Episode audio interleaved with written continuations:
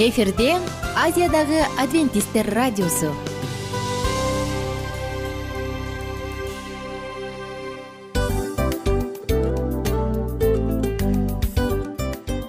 Достор салют. Баардык сүйүктүү угармандарыбызга салам айтабыз. Кутман күнүңүздөр менен. Ден соолук өмүрдүн булагы демекчи саламат саамы программасында баарыңыздарды көргөнүбүзгө абдан кубанычтабыз. Анда алгач амандашып өтөлү арбаңыздар деп. Ден соолугуңуздар кандай элибизде көбүнчө ден соолук кандай дегенде эле жакшы деп жооп беребиз э? ооруп турсак дагы жакшы дейбиз. Анан мен муну айтып ойлойт элем бул абдан сонун сөз депчи анткени бул жакшы деген үмүт да э ооба. баары жакшы болот баары сонун. Деп үмүттөнүп атып эле өзүбүздү өзүбүз дарылап коебуз. Анысы кандай? Сиздин дагы ден соолугуңуз жакшы беш деген үмүттөбүз чындыгында ден соолук бул өмүрдүн булагы деп бекеринен айтылган эмес деп ойлойм. Кыргыз элинде анткени эгерде ден соолук жок болсо анда адамдын жашоосунда калган баардык керектүү маңыздуу нерселер өзүнүн баалуулугун жоготуп коет. Ошондуктан ден соолук бул эң керектүү нерсе. Ооба туура айтасың кесиптешим. Чынында ден соолугуң жок бир эки үч күн ооруп калсаң эле э кандай болуп калат? Жашоодо көз каранды болуп каласың көп нерсеге жетишпей каласың көп нерсени кыла албай каласың жада калса эшикке дүкөнгө да чыга албай каласың. Туптуура анан ден соолук болсо демек биз биздин бактыбыз тотой деп койсок болот. Анда достор саламат саамы рубрикабызды баштайлы. Алдыда өзүңүзгө керектүү болгон сонун кеңештерди уга аласыздар. Мына ошондуктан биз менен бирге болуңуздар. Ал эми биз болсо милан жана айнура. Кеттик алга. Алга саламат саама ден соолуктун жарчысы. Саламат саама ден соолуктун ачкычы. Күн сайын сиз үчүн мыкты кеңештер сонун жаңылыктар кызыктуу фактылар биздин рубрикада.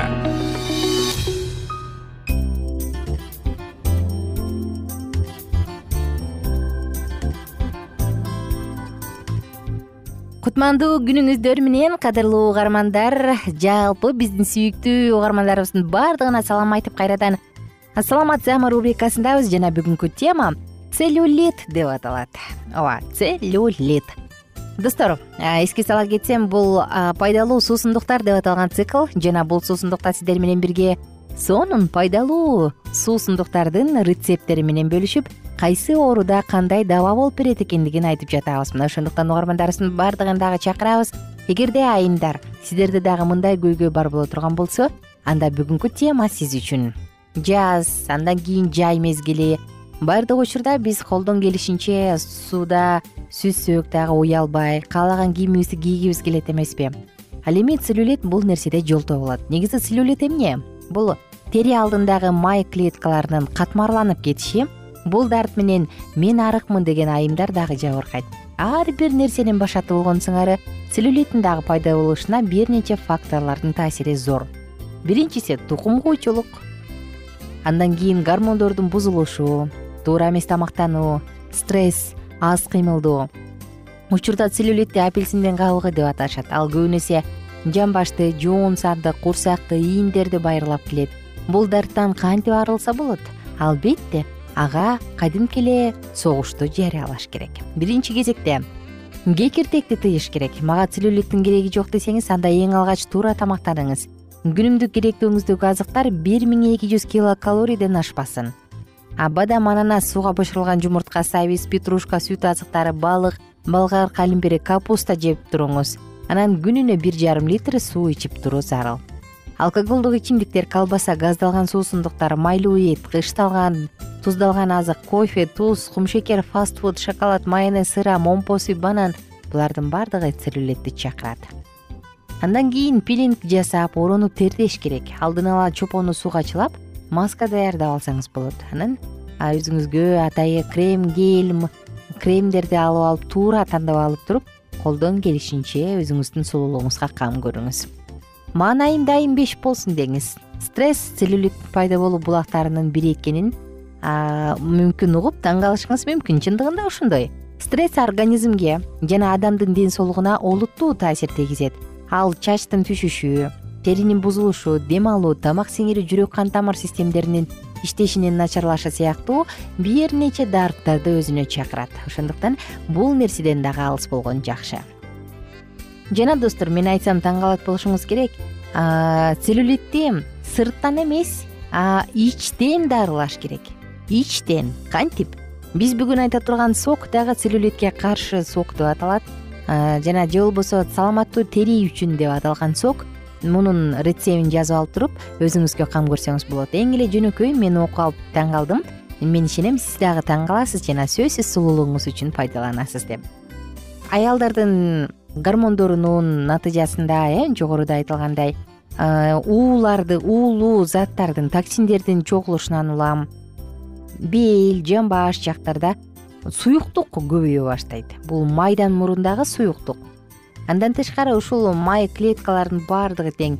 Акырындан майга айланып аларды запас кылып чогултат дагы алар чоңураак өлчөмдө болуп көлөмү чоңоет. Демек адам толуп бара жаткандай болот.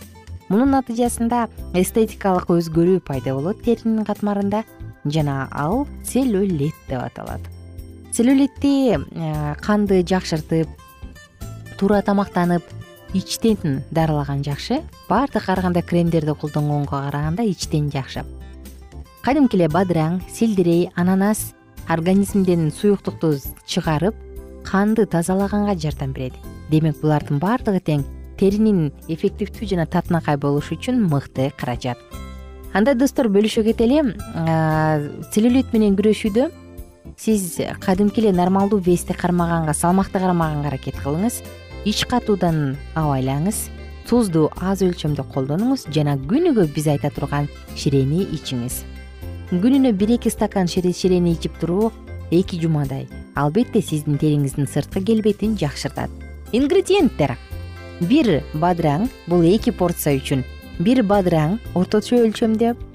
Төрт селдирей чөбү. Бир чашка ананас ширеси бадыраңды тазалап алыңыз. Андан кийин бадыраңды селдирейди соковыжималкадан өткөрүңүз. Ага ананас ширесин кошуңуз дагы. Болду. Татымына жараша өзүңүз татымал кошуп алып туруп иче бериңиз. Целлюлитке каршы сонун сок даяр. Дагы бир жолу ингредиенттерди айта кетейин. Эгерде сиз жазып аткан болсоңуз сөзсүз түрдө жазып алыңыз. Эки порция үчүн эки жүз элүү миллилитрден ошондо жарым литр үчүн бир даана орточо көлөмдөгү бадыраң төрт селдирей чөбү бир чашка ананас ширеси. Бадыраңды тазалап алыңыз. Андан кийин аны селдирей менен чогуу соковыжималкадан өткөрүңүз. Ага пайда болгон суусундукка ананас ширесин кошуңуз. Татымына жараша татымал кошуп коюңуз. Татымал калориялуу болбосун аны дагы эске салыңыз. Мындай сонун соктун касиети заракуу алуучу касиетке ээ тазалайт жана салмакты төмөндөтөт анын курамында биздин күнүмдүк дозабызга керектүү болгон к витамининин он сегиз пайызы с витамининин он төрт пайызы фалат б алты витамини калий магний кальций бар. Мына достор ушундай. Ушундай гана сонун арзан жеткиликтүү жана жөнөкөй пайдалуу сокту эки жумадай иче турган болсоңуз дагы бир жолу кайталайын эки жумадай. Анда сиз өзүңүздүн саламаттыгыңызга кам көрүп теринин акыбалын жакшыртасыз достор коштошчу учурга келдик. Жалпыңыздар менен коштошом. Ушул жана башка сонун пайдалуу керектүү маалыматтарды саламат клуб сайтынан дагы окуп көрүп уга аласыз. Угармандарыбыздын баардыгын дал ушул сайтка чакырабыз. Кайрадан сиздер менен амандашканча бар болуңуздар. Күнүңүздөр көңүлдүү маанайда улансын. Бар болуңуздар бай болуңуздар оорубаңыздар. Териде эч кандай жагымсыз такыттар жагымсыз көрүнүш пайда болуп маанайыңызды түшүрбөсүн жылдын кайсы гана мезгилинде болбосун денеңиз дагы өзүңүз дагы сонун маанайда болуңуз. Кайрадан амандашканча бар болуңуздар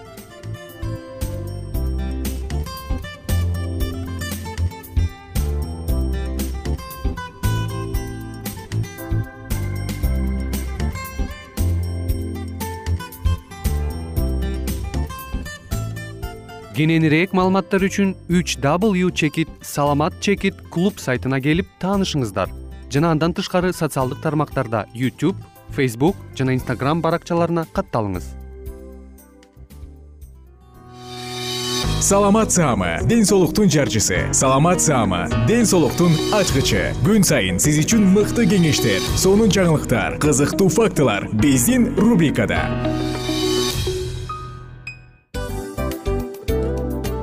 салам достор. Кайрадан биздин сүйүктүү рубрикабызга кош келиңиздер деп айтмакчыбыз.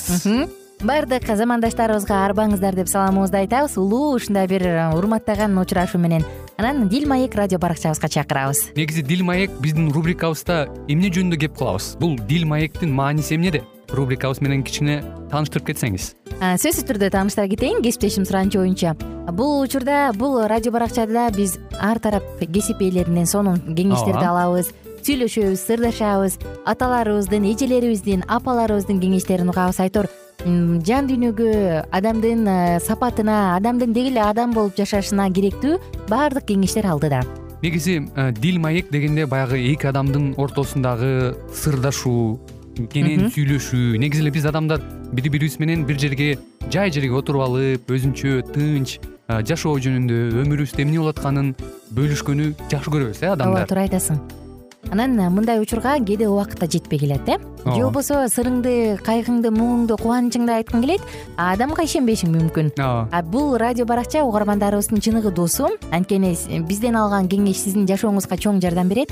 Ал эми сиздин бизге айта турган сөзүңүз ортодо гана сыр бойдон калат. Ошондуктан биздин дил маек рубрикабызга дагы бир жолу кош келиңиздер. Жана биз даярдаган маалыматтарга даяр болуңуздар. Айнура жана милан сиздер менен бирге алдыга кеттик ар түрдүү ардактуу кесип ээлеринен алтын сөздөр жүрөк ачышкан сыр чачышкан сонун маек. Дил маек рубрикасында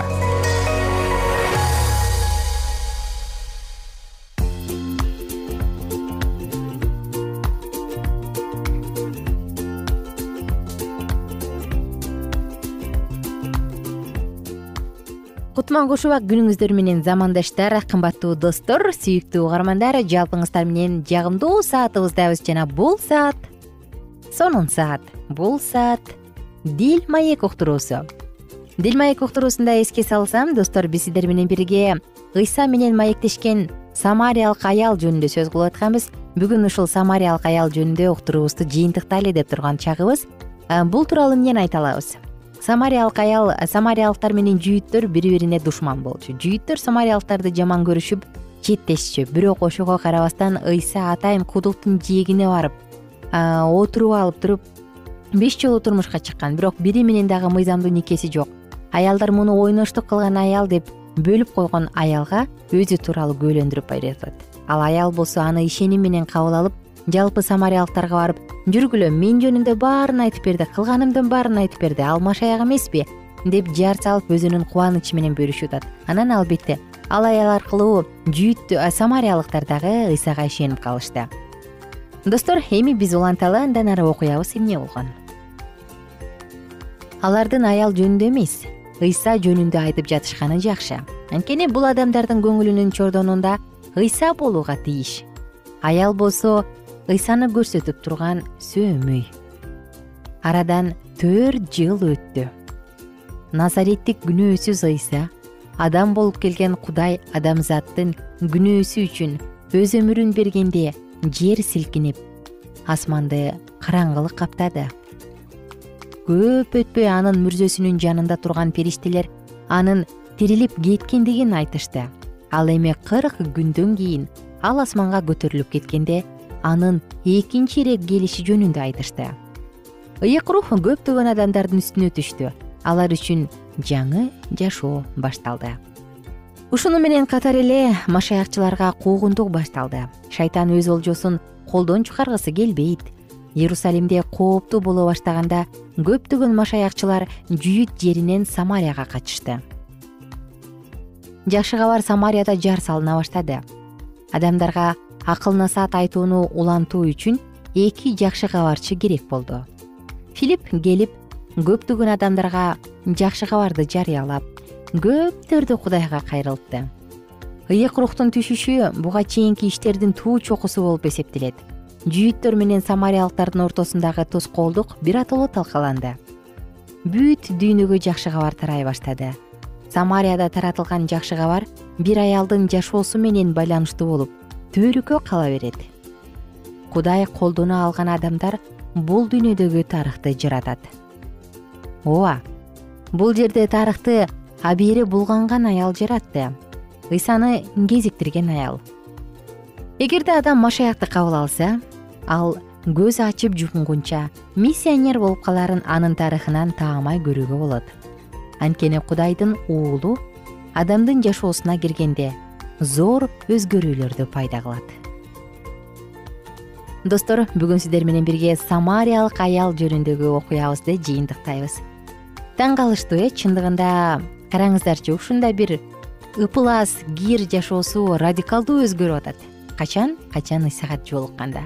Мына ошол сыяктуу жаратуучу кудайыбыз ыйса машаяк ар бир адамдын жашоосун толугу менен өзгөртө алат. Ал адамдын жашоосун күнөөгө балчыкка толгон кир жашоосун ыпылас жийиркеничтүү жашоосун өзүнүн ыйык каны аркылуу жууп күнөөлөрүнүн баардыгынан кутулгандан соң жашоону толугу менен жүз сексен градус өзгөртүп кое алат. Мына ошондуктан достор менин кааларым жаратуучунун бут алдына келиңиз. Жана ыйсадан күнөөңүз үчүн кечирим сурап анын ыйса теңир экендигин мойнуңузга алыңыз болду жашооңуз өзгөрөт ой жүгүртүүңүз өзгөрөт жана мындай бата ар бирибизде болсун эми достор биз сиздер менен кийинки теманы баштайлы. Бул табита жөнүндө сөз. Эгерде бойдок аял ошол бойдок абалын түшүнүп кабыл алса ал эркин болот. Анткени ушундай абалында анын аял затына таандык сапаттары толугураак өрчүйт. Пауль торнияр табита өзүн кудайга кызмат кылууга арнаган бойдок аял. Жапа шаарында табита деген шакирт аял бар эле. Бул ысым жейрен деп которулат ал көптөгөн жакшы иштерди кылчу жакырларга көп жардам берчү. Элчилердин иштери тогузунчу бап отуз алтынчы аят. Анткени денебиздин мүчөлөрү көп болгону менен баардык мүчөлөрдүн кызматы бирдей болбогон сыяктуу эле. Римдиктер он эки төрт сегиз. Кудай атанын алдындагы таза жана кемчиликсиз такыбаалык бул жетим жесирлерге кам көрүү жана өзүн бул дүйнөдө таза сактоо жакып бир жыйырма жети. Табита аты таанылбаган токтоо шакирт аял эле. Жакырларга кийим тегип берүү анын кызматы болчу. Тигүүчүлүк анын таланты ага берилген жөндөмдүүлүк эле. Анын мен мириям сыяктуу пайгамбар эмесмин дебурага окшоп өлкөнү башкара албайм өз элинин тарыхында көрүнүктүү ролду ойногон аялдардан эмесмин менин өзгөчө таланттарым жок деп ойлонушуна толук негиз бар эле. Жубай жана эне болуу анын энчисине берилбептир. Ошондой болгондо ал коомдун жашоосуна күйөөсү же уулу аркылуу таасир тийгизе алмактыр. Байыркы учурда ысрайылдагы кайсы бир падышалардын тагдыры жана башкаруучусу энесинин тийгизген таасиринен улам болгон учурлар көп болгон. Бирок табита библиялык аялдардан шакирт деп аталгандыгы менен жогору турат. Аялдардын ичинен жалгыз гана табита шакирт деп аталган. Табита шакирт аял. Ыйсанын жолун жолдоочусу анын бүтүндөй жашоосу ушуну менен аныкталат. Абдан кызык окуя башталат э достор? Табита шакирт деп. Ал тикмейчи айым. Азыркы учурда тикмейчилер абдан көп. Ой алардын колунан ууру төгүлүп бузу төгүлүп тим эле сонундарды тигип сонундарды жаратышат. Табитанын тагдыры эмне болгон? Эмне себептен ал шакирт деп аталып калган дагы ыйык жазуунун бетине түшкөн. Биз достор бул тууралуу кийинки уктуруубузда улантабыз. Жана баардык угармандарыбызды кайрадан амандашканча деп коштошом. Күнүңүздөр көңүлдүү маанайда улансын. Бар болуңуздар жана бай болуңуздар. Кайрадан амандашканча достор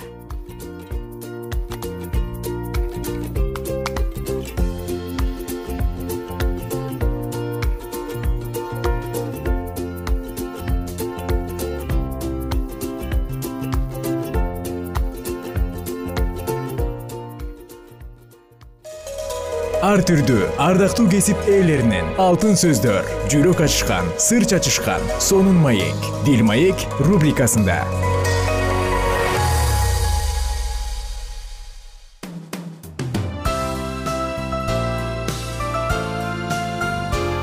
Эфирде азиядагы адвентисттер радиосу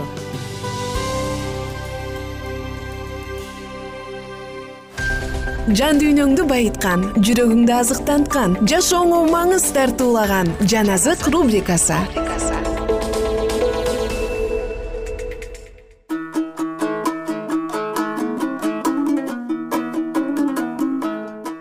Кадырлуу замандаштар сүйүктүү угармандар жалпыңыздар менен амандашып биз дагы бир жагымдуу саатыбызды баштадык. Жана бул сааттын алкагында жан азык уктуруусунда сиздер менен бирге пайгамбарлар китебинин арасынан орун алган аюб китебин окууну улантабыз. Мурунку уктуруубузда аюб башына кыйынчылык түшкөн маалда анын достору келип мындай бир ойлосоң жардам бериш керек эле бирок алар айыптоо менен жардам берүүнү чечишет э? Бүгүн биз сиздер менен андан ары анын элипаз деген досу үчүнчү сөзүн эмне деп сүйлөгөн. Мына ушул элипаздын сөзүн окуйбуз биз менен бирге болуңуздар аюп китеби жыйырма экинчи бөлүм. Элипаздын үчүнчү сөзү. Тыймандык элипаз мындай деп жооп берди. Адам кудайга пайда келтире алмак беле. Акылдуу өзүнө пайда келтирет. Сенин адил болгонуңдан кудуреттүү кудай кандай рахат алмак эле? Өз жолуңду таза сактаганыңдан ага кандай пайда ал сенден коркуп кетип сени менен талашып тартышмак беле. Сени менен соттошмок беле. Чын эле сенин кыянаттыгың чоң болсо керек. Сенин мыйзамсыздыгыңа чек жок болсо керек. Чын эле сен эч нерсе бербей туруп бир туугандарыңдан күрөө алсаң керек. Ач жылаңачтардын кийимин сыйрып алсаң керек. Суусаганга суу бербесең керек. Ачкага нан бербесең керек ал эми алдуу күчтүүгө жер берсең керек. Ал жерге мансабы чоң киши отурукташса керек. Жесирлерди эч нерсе бербей кетирсең керек. Жетимдерди куру кол калтырсаң керек. Ошон үчүн туш тарабыңа тузак коюлду. Сени күтүлбөгөн коркунуч басты. Же болбосо көзгө сайса көрүнгүс караңгылык каптады. Ташкындаган сел астында калдың кудай асмандан да жогору эмеспи? Тээ бийиктеги жылдыздарды карачы. Алар канчалык бийик сен болсо кудай эмнени билет? Ал караңгылыктан бизди көрүп соттой алмак беле. Булут анын пардасы. Ошондуктан ал эч нерсе көрбөйт. Асман мейкиндигинде гана жүрөт дейсиң. Сен чын эле байыркылардын жолун жолдоп жүрсөң керек. Ал жол менен мыйзамсыз адамдар жүрүшкөн алардын негизинин астын суу каптаганда алар мезгилсиз кырылышкан. Алар кудайга бизден оолак бол дешкен. Алар кудуреттүү кудай бизге эмне кыла алмак эле? дешкен. Бирок алардын үйлөрүн ал мал мүлккө толтурду. Бирок мыйзамсыздардын кеңеши менден алыс болсун. Адилдер көрүп кубанышты. Такыба адам аларга душманыбыз кырылды алардан эмне калса ошону от жалмады деп күлдү. Кудайга жакында. Аны менен элдеш. Ушул аркылуу сага жакшылык келет. Анын оозунан чыккан мыйзамды кабыл ал. Анын сөздөрүн көкүрөгүңө түйүп ал. Эгерде кудуреттүү кудайга кайрылсаң анда кайра калыбыңа келесиң үйүңдү мыйзамсыздыктан арылтасың. Алтын сен үчүн топурактай. Опир алтындары суудагы таштардай болуп калат. Кудуреттүү кудай сенин алтының жана жаркыраган күмүшүң болот. Ошондо сен кудуреттүү кудайдан кубаныч аласың кудайга башыңды көтөртөсүң. Сыйынасың үнүңдү угат сен да өз убадаларыңды орундатасың бир нерсени ниет кыласың ал ниетиң ишке ашат жолуңа жарык чачырайт. Кимдир бирөө кемсинтилгенде сен жогору көтөрүлүү дейсиң. Ошондо ал көңүлү чөккөндө аны куткарат. Ал айыптуу адамды да куткарат. Ал адам сенин колуңдун тазалыгы менен куткарылат. Аюп китеби жыйырма үчүнчү бөлүм. Аюптун жетинчи жообу. Аюп мындай деп жооп айтты. Бүгүн да менин сөзүм кайгылуу. Тарткан азаптарым онтоолорумдан оор. О мен аны кантип табаарымды билсем гана? Анын тагына жакындай алсам гана анда мен анын алдында өз иштеримди айтып бермекмин. Оозумду актана турган сөзгө толтуруп алмакмын. Анын мага эмне деп жооп берерин билип алмакмын. Анын мага эмне айтаарын түшүнүп алмакмын. Кантип эле ал эбегейсиз кудуреттүү болуп туруп мени менен таймашсын? Жок ал антпейт. Ал мага көңүл буруп эле койсо гана. Ошондо адил адам аны менен таймаша алмак. Ошондо мен да өз өкүмдарымдан түбөлүк азаттык алмакмын бирок мен чыгышка барсам да ал жок. Батышка барсам да аны байкабайм. Түндүктөн издесем да аны таппайм. Ал түштүктө жашынып турабы дейин десем ал жактан да көрүнбөйт. Бирок ал менин жолумду билет. Мейли мени сынап көрсүн. Ошондо мен алтындай болуп чыгам. Менин бутум анын жолунда бекем турат. Анын жолун сактадым. Эч жака бурулбадым. Анын оозунан чыккан осуяттардан бурулуп кетпедим анын оозунан чыккан сөздөрдү өз эрежемден артык сактадым. Бирок ал бекем экен аны ким жолдон чыгара алат? Ал өз жүрөгүнүн каалаганын жасайт. Ошон үчүн ал мага эмнени белгилеп койсо ошону орундатат. Анын ушуга окшогон ойлору көп. Ошондуктан мен анын алдында калтырайм ойлоном жана андан корком. Кудай жүрөгүмдү алсыратты кудуреттүү кудай мени коркутту мен эмне үчүн бул караңгылыктан мурун жок болбодум?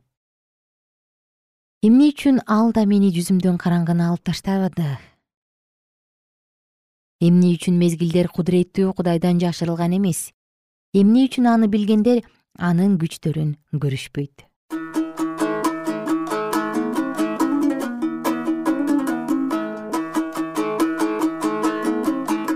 ардактуу угарман мынакей бүгүн сиздер менен дагы биз аюптун жетинчи жообун элипаздын үчүнчү сөзүн окудук. Айыптоо жалаң гана айыптоо бирок аюп эгерде мен актаналсам гана дейт э? Караңыздарчы жүрөгү соттобогон адам бактылуу деп коет эмеспи? Мунун бирден бир дагы эң негизги айтылган нерсеси мына дал ушунда достор мен сиздер менен коштошом. Жана убактылуу гана коштошом кийинки уктуруубузда. Биз окуяны андан ары улантабыз. Айыптун андан аркы сөзү кандай болгон? Мына ушул жөнүндө сөз кылабыз. Ага чейин болсо сиздер менен убактылуу коштошобуз. Күнүңүздөр көңүлдүү маанайда улансын. Бай болуңуздар бар болуңуздар. Дайыма жакшылыктан үмүттөнүңүздөр. Адамдын башына ар кандай сыноолор келет. Бирок ошонун баардыгы жакшылык үчүн экенин унутпайлы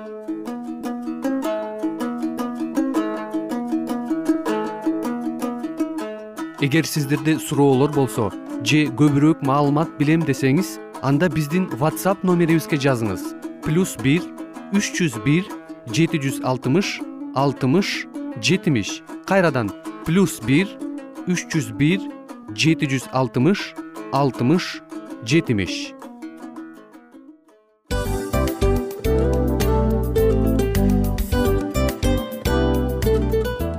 достор биздин радио баракчаларыбыз соңуна келди. Демек бул программабызды дагы жыйынтыктаочу учур келдик. Учурга келдик. Анан кесиптешимен сурагым келип турат. Негизи эле иштин башталып атканы кубандырабы сени же жыйынтыгы кубандырабы? Албетте жыйынтыгы. Себеп дегенде сен кылган ишиңдин жыйынтыгын көрүп э, баягы мөмөсүн көрүп дегендей жыргайсың жүрөгүң жемишинен татып э? Кандай даамдуу деп. Баягы буудай сепкенде эмес буудай эгинди жыйнагандан кийин ысык нанды жегенде кадимкидей ырахаттанасың го? Ой айтпа туура айта кеттиңиз. Сонун салыштыруу болду анан мен дагы абдан кубанып анткени биз угармандарыбыз үчүн аябай эмгектенип келген уктуруубуздун соңуна келип калдык. Анан эми э, уктуруубуздун соңунда угармандар кандай пайда алып калды экен деп күтүп турам да. Балким э, менин жашоомо өзгөрүү киргизе турган сонун сөздөр болду. Мен ушул нерсени изилдеп анан кабыл албасам ушул нерсени кылбасам деген чечим чыгарсаңыз анда биз абдан кубанычтабыз. Сөзсүз түрдө андыктан кийинки биздин кызыктуу уктурууларыбыздан көрүшкөнчө сак саламатта калыңыздар. Чыдамсыздык менен сиздерди мен милан жана кесиптешим айнура күтөбүз. Баардык угармандарыбызга ийгиликтүү күн каалайбыз качан гана болбосун уртуңуздан жылмаюу кетпесин үйүңүздө көмүр жүрөгүңүздө көңүл болсун дейли